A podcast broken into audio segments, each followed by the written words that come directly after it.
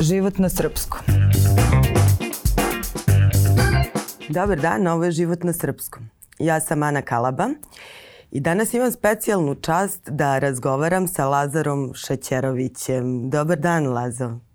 Dobar dan, hvala vam na ljubaznom pozivu. Milo mi je da sam eto prvi put kod vas ovom prilikom, ali već smo se upoznali u našoj kući. Vi ste u više prilika bili naš dragi gost i prvi put ste došli ko posetilac, posle ste postali prijatelj kuće, tako da je mi je veoma drago što sam ovde kod vas, što ćemo danas malo popričati.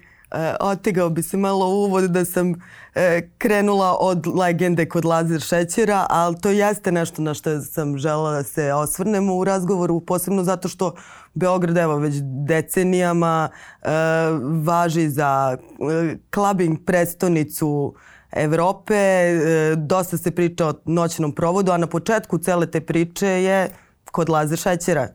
Da, to je ta naša famozna, kultna, jedinstvena prva diskoteka i kako je vrlo duhovito jedan vaš kolega nazvao u svom jednom članku za koje je dobio nagradu svoje, izdavač, svoje novinske kuće, prva diskoteka od Trsta do Vladivostoka. Ona je pokrivala tri četvrtine hemisfere.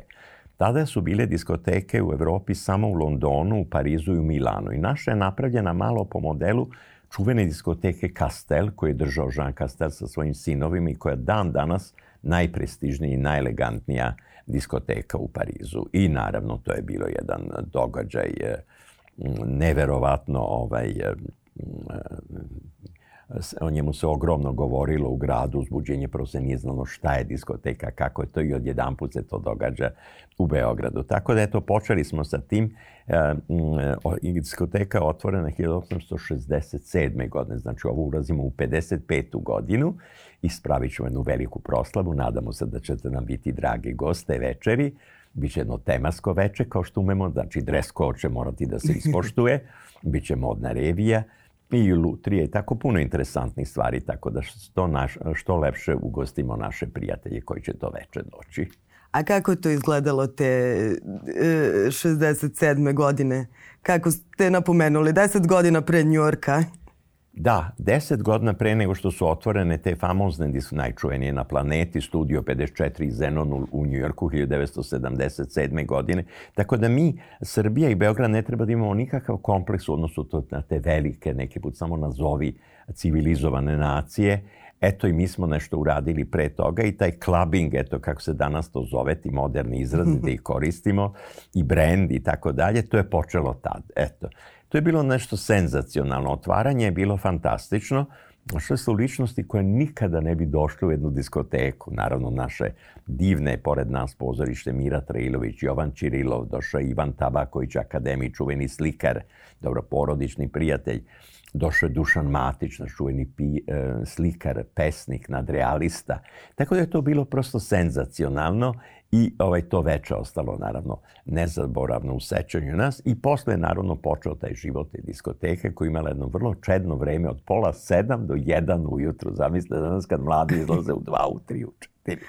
Čitala sam negde da je zapravo bilo registrovano kao klub Crvene da, zvezde. Da, tada nisu mogli. E, pod tim režimom, socijalizmom, trebalo je ukinuti sve što je privatno. Znači da ne budu krojači, poslastičari e, i sve te druge. Međutim, ipak nekako se provuklo, jer naš prijatelj koji u stvari imao ideju da to otvori, Saša Nikolić, on je studirao kameru u Parizu na čuvenom deku i želeo je da bude filmski snimatelj. Međutim, on je tad vidio diskoteku i kad se vratio posle završenih studija, on je predložio mom bratu bratu još jednom drugu da se otvori diskoteka. Interesantno da taj podrum naše kuće, istorijske dome, je kao da je projektovan za diskoteku. To je nešto fantastično. I onda, pošto ni, a njegov tata je radio u e, košarkaškom e, klubu Crvena zvezda. Tako da je ona zvanično registrovana da bi mogli da dobijemo dozvod kao društveni klub košarkaškog kluba Crvena zvezda. To je bila formula koja je smišljena. I koja ekipa je dolazila? E, videli smo ovaj, člansku kartu Lokice i čuli smo da je pravila show na dance floru tamo. Da, tu je dolazila, kako da nazvim, ta zlatna mladež. U stvari, e, glavno društvo su bili uglavnom moje prijateljice i prije. To su bile sve ove ovaj, divne, najlepše, najšarmantnije devojke Beograda, mladići, naravno moji drugovi, čuveni zavodnici, playboy, Oni su svi bili jako obrazovani, govorili su jezike, divno su se ponašali i e, naravno posle su počeli da dolaze i svi drugi, e, naravno ovaj umetnički svet. Spomenuli ste Lokicu. Lokica je bila zvezda, naravno, diskoteke. Kad bi se ona pojavila oko pola 11 i bacila se na podijum, onda odjedan put je došlo do potpunog usijanja, onda bi svi oni koji su dotle sedeli došli na podijum da igraju ovaj, pored nje. Šta je diskoteka? Diskoteka je demokratizovala zabavu. Devojke su mogle da dođu same ili sa drugaricom. Znači nije morao da je prati dečko ili brat. One su same mogli na podijumu da igraju ili sa nekim, sa jedno nis, nije se niko, ni sa kim dodirivao. I, ovaj, I to je jedan e, interesantan uh, društveno-kulturološki, tim rogobatnim modernim jezikom govoreći fenomen koji se pojavio. Naravno, on je izazvao ogromne kontroverze, napadi štampe mm -hmm. su mhm. bili užasni, sem dva, tri članka koja su bila pozitivna, da su rekli da je to nešto vrlo lepo, da se okuplja omladine i tako dalje, ali tu nije bila samo zabava. Mi smo prvi lansirali u Srbiju pop art. Znači imali smo izložbu ne slika, ali grafika i litografija Andy Warhola, Roy Lichtensteina i taj pop art je posle imao velikog utice i na mnoge naše umetnosti koji su se u tom smeru umetničkom vizuelnom izrazili pravili smo predstave, dozvoljavali smo preko dana ovim visovi, to je skraćeno vokalno-instrumentalni mhm. sastavi, mm -hmm. naši bendovi divni, pošto im nijednoj kući nisu dozvoljeni u podrume na ten da ne prave buku, oni su svi vežbali kod nas i mi rekli, Lazo, kad god želiš, mi ćemo da ti napravimo koncert, mi ćemo da sviramo na tvojim žurkama, tako da smo svima želeli dući. Da Mladi slikari, mnogi su kod nas imali prvu izložbu koju nisu mogli da plate galerije, naravno. Tako da smo lansirali mlad svet sa jednog prestižnog mesta, oni su ulazili u svet kulture kulture i umetnosti. Pa da, to je bilo mnogo više od zabave, to je bila revolucija na nekom društvu. Na neko i to ona je na jedan način najavljivala tu famoznu 68. godinu. Mm -hmm. Znači mhm. jedan dah slobode donele, jedan dah širenja. Naravno, svi smo bili, imali smo sve te postulate, znači mir, ljubav, prijateljstvo, solidarnost. Svi smo bili naravno protiv rata u Vjetnamu i, ovaj, i to, to nas je zbližavalo, što smo svi imali jednu pozitivnu energiju, jedan pozitivan stav prema svima onom što se događalo. Taj Vjetnjam je daleko od nas, ali mi smo patili, nismo želi da se posle drugog svetskog rata, koji je bio onako krv, da se događaju takve mm. užasne stvari. Onda je naravno došao taj famozni hipi period koji je bio fantastičan. Deca cveća, deca ljubavi. Vodimo ljubav, a ne rat. Zamislite da je do danas to ostalo. Mi danas imamo rat u prvoj četvrtini 21. veka, što je užasavajuće, porazno. Zar je ljudski rod tako nisko pao? Da smo došli do toga, mislili smo gotovo je, posle drugog svetvića neće nikad biti, niko neko uđeti puško daleko od toga da baci bombu. I sad to je naravno jedna druga tema koja nas sve pogađa i zbog koje svi patimo, ali sad se vraćamo na ovaj naš klabing. Eh, uh, I, I to ste vrlo lepo rekli, da, evropska prestonica klabinga dolaze kod nas i vole to se. I ono što je interesantno, Evropa koja je mnogo pala u mnogom smislu, vidimo i to sve. Šta je nestalo? Naštalo je najlepša stvar, radost življenja. Ta radost življenja još postoji u jedinoj evropskoj državi, to je Italija. I kod nas bez obzira na sve ovo što nam se događa i kroz što je prolazimo ove naše, već ne znam koji broj katarzi i tako dalje, ali naš svet ume da uživa u životu, ume da se raduje u malim i u velikim stvarima i to je, mislim, ono što nas održava i što nas tera napred. Diskoteka, naša kuća, Mi želimo da prikažemo sve ono naše najlepše iz materijalne i nematerijalne baštine, a znamo kao što i vi svi dobro znamo da je neka nematerijalna baština mnogo značajnija od materijalne. Tako da ovaj, od našoj famoznoj diskoteci uči se na političkim naukama, na istoriji, na sociologiji, na psihologiji. Jednog dana mi na vrata dođu pet divnih devojaka, jedan mladić. Kaže, mi smo s našim profesorom na istoriji umetnosti dogovorili za naš ispit ove godine, jedan od ispita, nematerna baština, da imamo jedan intervju sa vama o diskoteci. Ja sam naravno pristao, oni su to vrlo lepo napravili, malo onako uplašeni. Ova jedna devojka je bila kamerman sa pomoćnicom i tako početnička, ali vrlo lepo i svi su dobili desetke, tako da mi je milo. tako da vam kažem, to je ušlo prosto u sve pore, ta diskoteka je tako uzdrmala našu javnost Međutim, zbog tih jako mnogo negativnih tih napisa i tako dalje, na kraju je zasedao Vrhovni savet odbrane SFRJ Socialističke federativne republike na kome odlučeno donela odluka i zabrana da diskoteka mora da se zabrani i zatvori da ne bi kvarila naprednu socijalističku omladinu. Danas to vama mladima zvuči smešno, ali onda je to bilo pomalo i oplasno. Dolazile su najapsurdnije zabrane. Može muzika, ne može da se igra. Može da se igra, ne može i tako dalje i tako dalje. I ovaj međutim Eto, ona je trajala nešto više od godinu dana, ali i nije nije prestala da postoji. Mi smo e, pravili to. naše privatne žurke, kao što sam raz, razne događaje, koncerte, pozorišne predstave, happeninge, ove ovaj, performanse, kako je to sad moderno da se kaže, ona je ostala do danas. Evo do pre ovaj, ove situacije koju sad svi znamo, četiri mladića su vrlo lepo držala taj klub Šećer, sada ga preuređujemo i on nije jedna stvar prošlosti. To je nešto što ide, što je prošlo kroz mnoge epohe i faze i došlo do današnje faze. Diskoteka se sada renovira, proširuje, bit će mnogo lepša i privlačnije i ona će nastaviti sad za jedno mesec dana otprilike ponovo da uh, prima posetioce koji će moći tu da uživaju i da gledaju, a mi ponekad pravimo te velike tematske partije Aha. sa temama noću, belom satenu, um, pop art, gold i tako dalje i onda je to dress code i onda dolaze naše uvijek oko između 125-140 mm -hmm i to su divne večeri, onda dolaze deca naših prijatelja koji dolaze da overe, da vide što je prišlo. Oni ostanu celo večer, oni ostanu do 4 do 5 ujutru. I što je najlepše u diskoteku kad imamo tako, dolaze nam parovi od Australije, od Amerike, koji još, pa znate da smo se mi upoznali, zavoleli u vašoj diskoteci i ostali smo u braku do danas. Tako da ona ima hiljada priča. Da, što je nevjerovatno jer Evo, kad čitamo istoriju i celu priču o, o diskoteci, shvatimo da se to sve dešavalo u godinu dana zvaničnog rada, posle čega se nastavljalo u I tim nekim... I posle smo nastavili to da pravimo, naravno, mm -hmm. privatno, pošto tu našoj kući mi smo to mogli. I kao što sam vam već rekao dok smo razgovarali pre ovoga da se tada mnogo, imao ogroman broj koprodukcija mm -hmm. u mhm. Avali filmu, znači ovaj, ti 60-ih, 70-ih godina, naročito mnogo Italijani, Amerikanci, Englezi, Francuzi, uh, po jedan, dva, tri filma Nemci, Rusi, Poljaci tako, Austrijanci, tako da je to bilo fantastično. Tako da je kroz Beograd je prodefilovalo pola Hollywooda i pola Činečita, to čuvenog filmskog grada u, u Rimu. I naravno, većinu tih svezda su dovođene ili jako sam na nekom filmu radio, sam ih dovodio, nisu dolazi, a naravno, kako se završavalo u jedan, onda je odabrano društvo, bi ja pozivao sa mojim prijateljima da se popnemo u moje gornje apartmane i tu smo nastavljali često do 6 do 7 ujutru Evo sad gledamo koliko se frka diže kad dođe neka hollywoodska zvezda u Beograd. Kako je to tad izgledalo? Jeste, pa, se sećate znate nek... šta, jeste, bili smo kad ste mladi imprese velike zvezde, mm -hmm. znate, svi pa...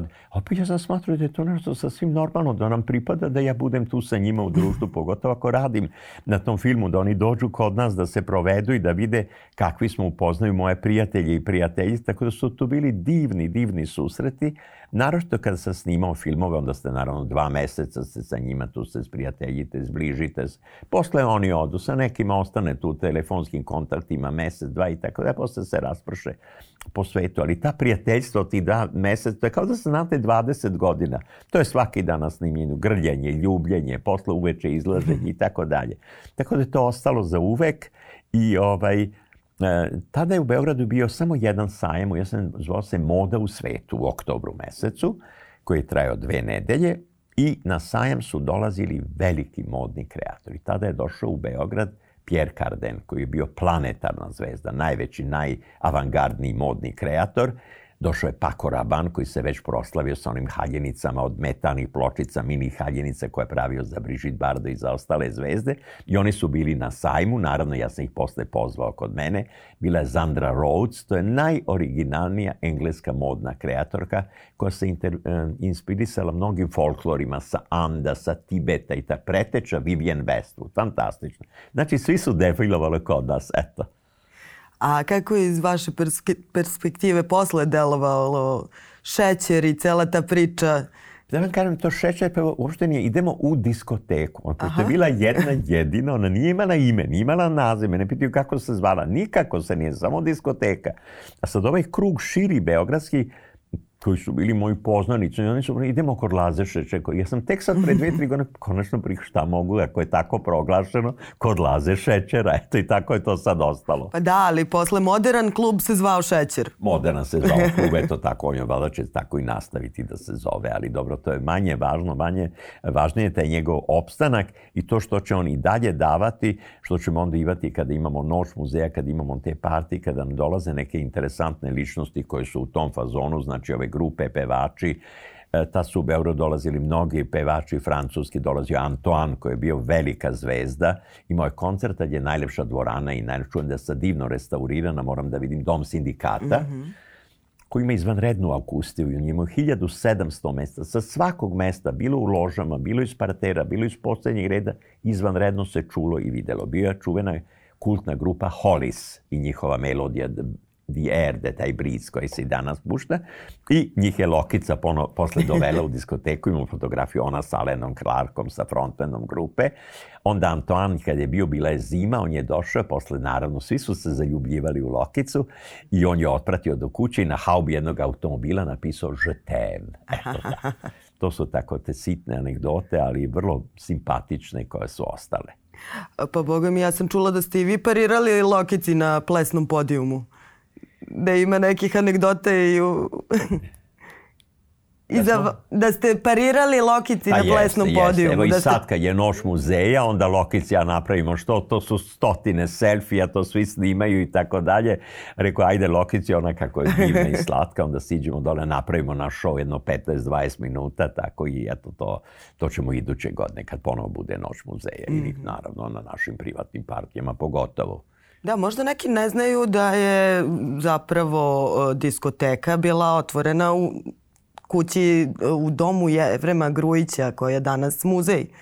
Jeste, to, taj muzej to je nekako, eto, godinama smo mislili i tako dalje iz neke želje, pošto nismo sebični, želimo da otvorimo kuću, da ono sve što posedamo, one divne umetničke predmete, najviše slike najvećih uh, srpskih slikara, um, oružje, tu zbirku iz prvog srpskog ustanka, mnoge umetničke predmete od bronze, od srebra, od porcelana, od fajansa i da to pokažemo našoj javnosti. Tako da smo 2014. godine imali senzacionalnu izložbu u Domu vojske ove naše nove Srbije i u velikoj e, galeriji i maloj. I sad kako se neki krugovi interesantno, pozitivno zatvaraju. Posle toliko godina ovi divni organizatori, naročito naš prijatelj Petar Bošković, koji je tad bio direktor medija centra Vojske Srbije, on je predložio, pa zašto u maloj, disko, u maloj galeriji napraviti izložbu diskoteke? Tako da vojska koja je Vrhovni savet nekad zabranio diskoteku sad ovim novim vremenima, bolje, sad je bila izložba cela posvećena diskoteci. Eto.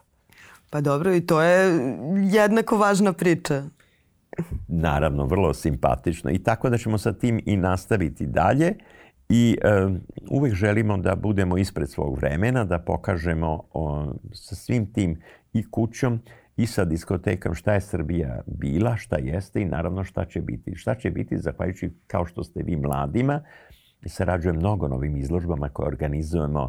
Imamo izložbe, imamo predavanje najvećih storičara umetnosti, imamo radionice za decu, imamo čajanku sa kraljicom Natalijom, Imamo dve pozorišne predstave koje su sad pozorišni hitovi, pozorište u kući. To je velika moda sada u Francuskoj i u mm, Italiji. I ono što je najvažnije, što se uvek trudimo da uradimo, to je da bude nešto ne samo koncept, ne samo šta se prikazuje, nego kako. Mm -hmm. Znači, moderna muzologija. Mi smo jako u toku, jako to pratimo.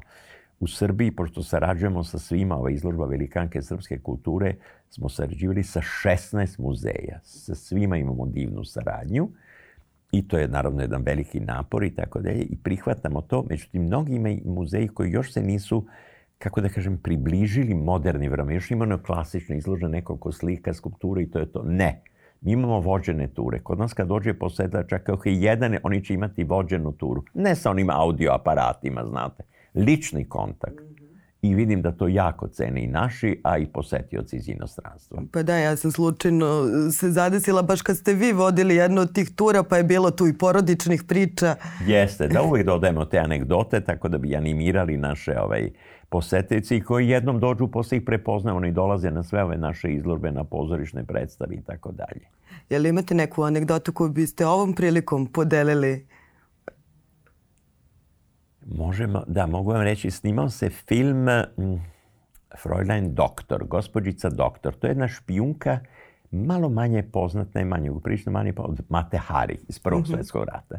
I snimao čuveni Alberto Latuada, koji je deset godina pre toga snimao ovaj Oluju, jedan film sa mm, Silvano Mangano.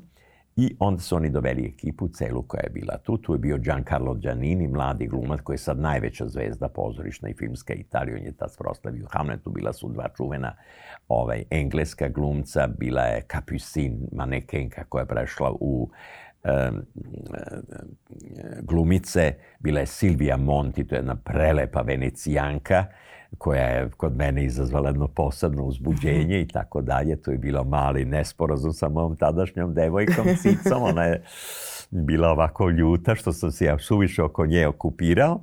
I mi smo, kad se dole završilo radno vrijeme, mi smo se popeli gore kod nje. Šta sad ja da poslužim njih? Ja rekao, ajde, pa oni nisu nikad probali kuvano vino. Jedna velika šerpa, ja vrtim, vrtim, dodajem cimet, šećer, dodajem, dodajem, vrtim, vrtim, pa ja, ovo je fantastično, ovo je divno i tako dalje. Kad sutra dan, ja ne mogu da ustanem glava. Svo ono isparenje alkohola je ušlo u mene. ja koji ne pijem, ja preselo mi je to već. Ali eto, tako da nije bilo toga, toga se ne bi uh, sećali. I, um, I druge filme kad smo snimali, pravili smo te, te velike ovaj, partije kada su dolazile te velike zvezde, bila ova divna sestra, nažalost, koja posle u sabračnoj poginula, Catherine Deneuve, François Dorleac, Omar Sharif, James Mason, Yvonne Mitchell.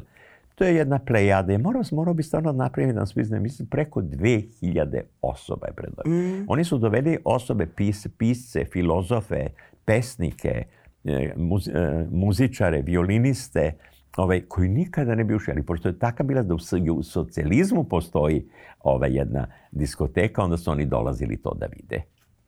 Da. A kako e, iz takve perspektive gledate na sadašnju situaciju?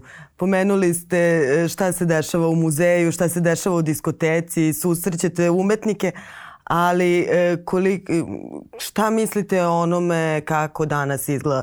Kada je, ne znam, e, diskoteke su uglavnom doživljavane i sad kao laka zabava, džuskanje, piće, drugiranje. Ona je potrebna omladini, mm. to je potrebno. Zašto? Mora se izaći u klub, u bar, u lounge, zvalo se kako god oče, diskoteka je mhm. sudina, mm -hmm. zato što tu može da se igra. I stalno me pitaju, ili imate neki savet mladih? Ne, deco, snimam savet. Savet može, ako hoće da ga postoji, samo vaše roditelje. A ja mogu da vam kažem da treba što više da prođete. Nažalost, naša omladina sad ne može dovoljno da putuje. Mm -hmm. Svi odu na onu matursku um, tu, um, kako se zove, ekskurziju u Italiju, što je vrlo lepo. Bili su Budimpeštu i Beč, ali to se u Evropi smatraju velika sela. Oni nisu značajno. Oni moraju da odu u Pariz, London, da vide, da upiju, da napune baterije. I, e, i, i kažem, najvažnije je da putujete, da mnogo iskusite. Ima puno na tom famoznom zapadu da se nauči, da se vidi, da se onda tako obogaćeni vratiti i da posle, naravno, nastavite vaše studije ili da radite ono što volite. A kako vi uživate u životu sada? Šta pa ja vama? uživam, eto, taj muzej me jako ispunjava. Ja sam aktivniji neko ikad, znači pravimo te izložbe, pravimo te razne događaje, sad spremamo dve velike nove izložbe i svake godine u jesen mi imamo te izložbe najvećih velikana našeg slikarstva, a sad smo imali, malo smo izašli, tu su narodno bile i slikarke, te velikanke srpske uh, kulture koji je naša Branka Conićma, mlada, lepa, sposobna Sanja i Alek Conić, oni su to orkestrirali i napravili. Mi smo tu svi naravno da pomognemo i da to što više uspe. I zaista je bilo fantastično. Izložba je proglašena kulturnim događajem godine. A e, i naše sve izložbe i događaje su proglašeni kulturnim. Bilo zvanično, bilo ne znam. I to nam je jako milo. I ono što je nas najviše oduševlja, gotovo mene, velika poseta i interesovanje mladih kao što ste vi. Znači, kad ih pitam sa svih opredeljenja, svih profesija, ne samo sa umetničkih akademija, ne samo umetnika, to više šta, željni smo, volimo kulturu, že, i to nas mhm. inspiriše mm-hmm. i tera nas da i dalje eto radimo i da se trudimo da što lepše stvari prikažemo našim svim generacijama. Da. A kako ćemo da proslavimo rođendan diskoteke? Pa proslavit ćemo, vi ćete biti pozvani, bit ćete jedan od počasnih gostiju, bit će jedna, jedan divan veliki parti, bit će razna muzika izmešena od onda, od onda do danas. Ne, pomenuli ste da i dalje imate dole top listu. Šta je na toj pa imamo top, top listu, naravno. Sve smo voleli. To sad podela Beatles i nije tačno. Mi smo sve volili. Mi nismo pravili te razlike. Danas imate hiljadu vrsta muzike, R&B, e, turbo folk, e, bluzovo, rep i tako dalje. I onda ako neko, ovaj, neki animoziteti, ja vam sluša tu muziku, ja vam slušam, Ne, mi, mi smo urbana deca, mi nismo slušali narodne melodije, ali mi smo znali da je Lepa Lukić kraljica narodne pesme. U kafani smo voleli da čujemo nju, razumete? Mhm. Nije postojala nikakva surevnjivost, nikakva mržnja između jednih i drugih. Ne, jedna divna harmonija, jedna simpioza, sve to išlo lepo. Voleli smo naše grupe, naše pevače, svi su dolazili kod nas.